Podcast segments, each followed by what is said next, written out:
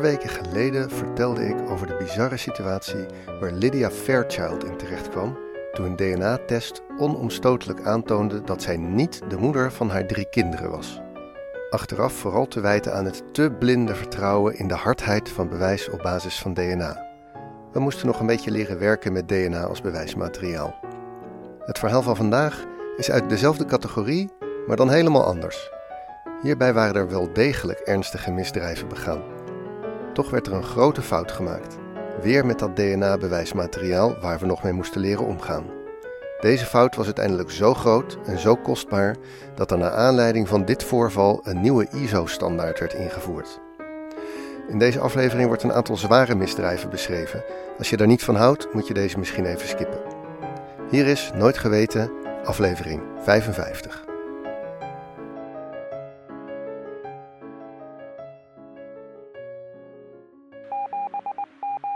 1993. In het Duitse plaatsje Idar Oberstein in de Rijnland-Palts, niet zo ver van de Franse grens, wordt een vermoedelijke moord ontdekt. Lieselotte Schlenger, een 62 jaar oude vrouw, wordt dood aangetroffen in haar huis. Ze is vermoedelijk gewurgd met het touw van een bos bloemen die ook in de buurt van haar lichaam wordt gevonden. Er zijn geen verdachten, geen getuigen, eigenlijk geen enkele verdachte omstandigheid. Wel werd er een gebruikt theekopje aangetroffen.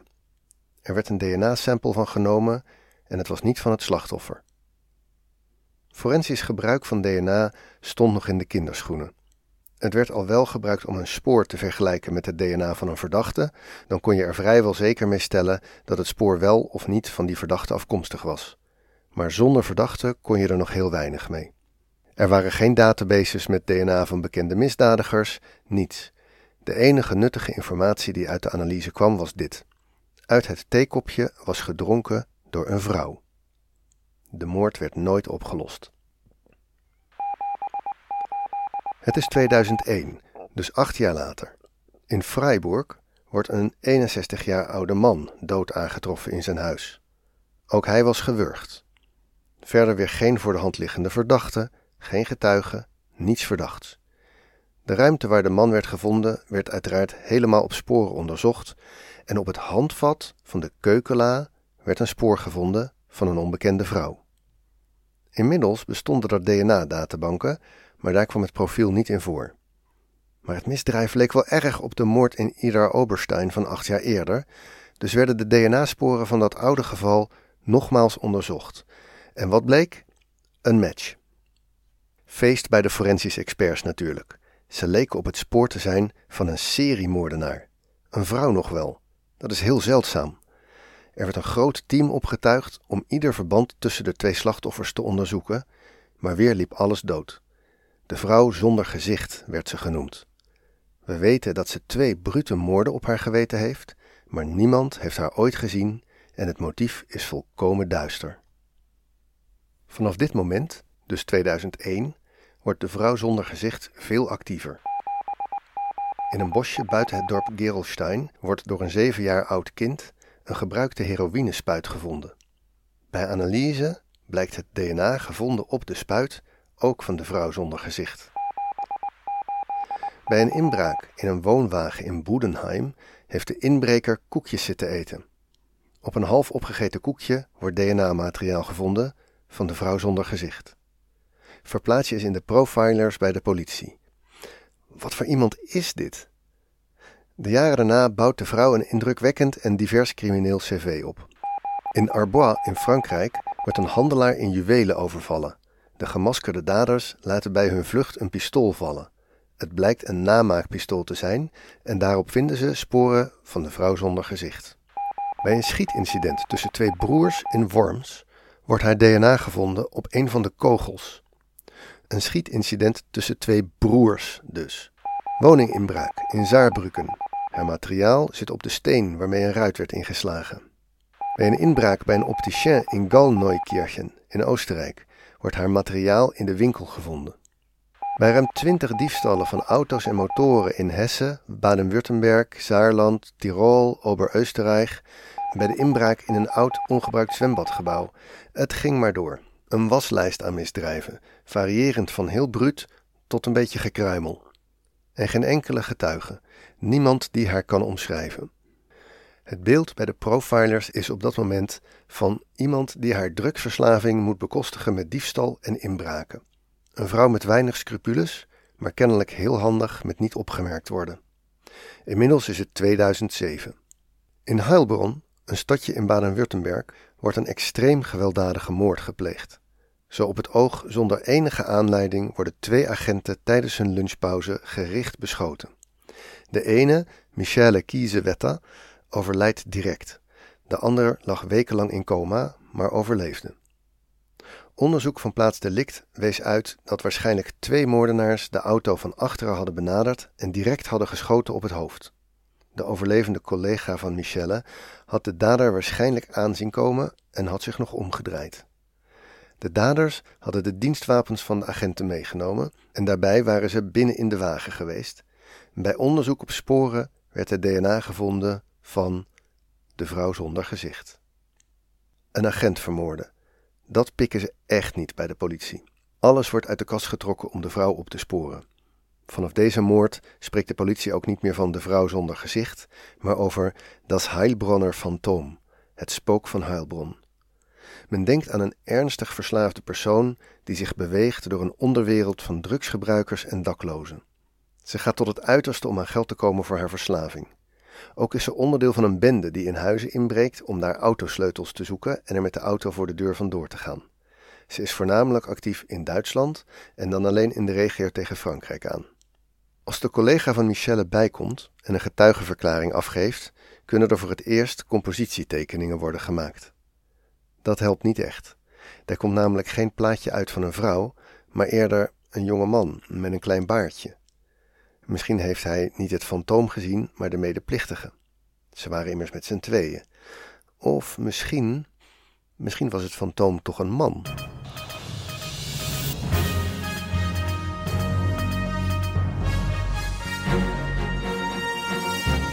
Kriminalisten nennen sie die Frau ohne Gesicht. Ein Phantom, ein Jahrhundertfall, wie es bei der Polizei heißt, die inzwischen mit einem ungeheuren Aufwand nach dieser Frau fahndet. An mindestens sechs Morden soll sie beteiligt gewesen sein, darunter die kaltblütige Ermordung einer jungen Polizistin in Heilbronn. Die Phantomfrau, von der man nicht weiß, wie sie aussieht und ob sie überhaupt aussieht wie eine Frau, hinterließ bereits an 35 Tatorten Spuren. Erstmals wurde ihre DNA vor 15 Jahren gefunden. Zuletzt vor zwei Wochen, nach einem brutalen Überfall im Saarland. In de paar jaar daarna houdt het fantoom zich bepaald niet gedijst. De stroom van berovingen, inbraken en zo nu en dan moord gaat maar door. De getuigenverklaringen en het genetisch bewijsmateriaal lijken steeds meer in tegenspraak.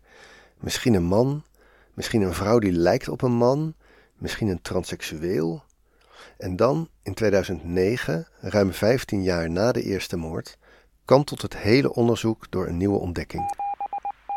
In Frankrijk wordt een verbrand lichaam gevonden. De politie vermoedt dat het gaat om een asielzoeker die al jaren spoorloos was.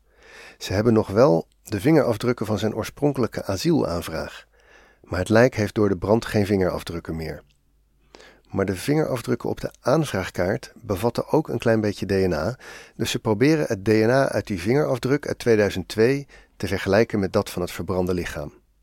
Tot hun stomme verbazing vinden ze een match met het fantoom. Dat kan helemaal niet. De vingerafdrukken waren van een man, het DNA van een vrouw. Ze besluiten de test over te doen en dit keer vinden ze geen match. Eindelijk wordt er serieus gekeken naar een probleem in de DNA-test zelf. Het blijkt dat er een vervuiling in het proces zat. De wattenstaafjes van een bepaalde leverancier bevatten soms menselijk DNA, al voordat het wattenstaafje werd gebruikt om op de plaats delict materiaal te verzamelen. De staafjes werden wel gesteriliseerd, maar niet van alle genetisch materiaal ontdaan.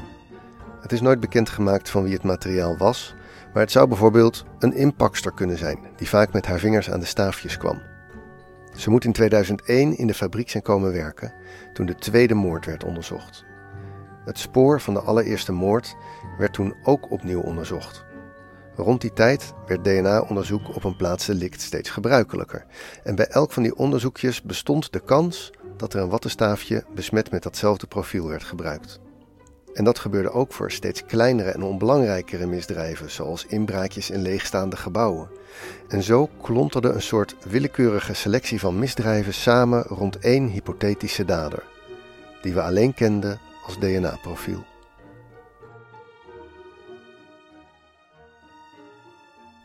De aanslag op de politieagenten is gelukkig uiteindelijk wel opgelost. Het bleek het werk van een extreemrechtse terreurgroep die in die jaren regelmatig min of meer willekeurige moorden pleegde op migranten. De aanslag op de politieagenten was alleen bedoeld om hun wapens te stelen. Maar de schade van de fout is enorm.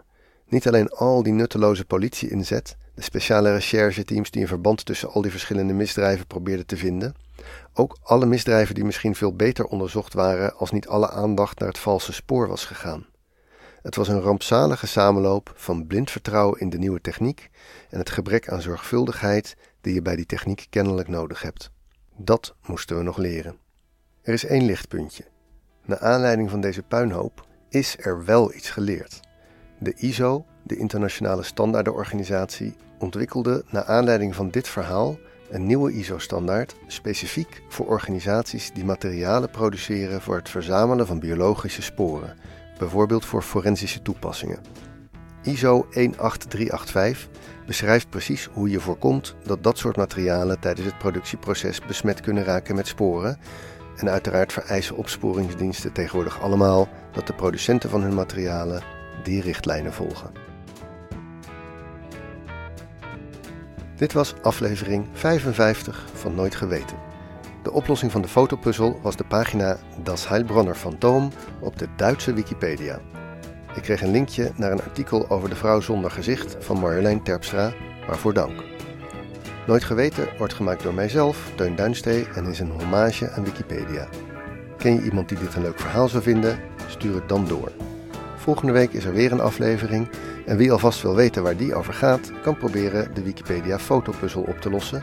Die vind je in de show notes. Bedankt voor het luisteren en tot de volgende week.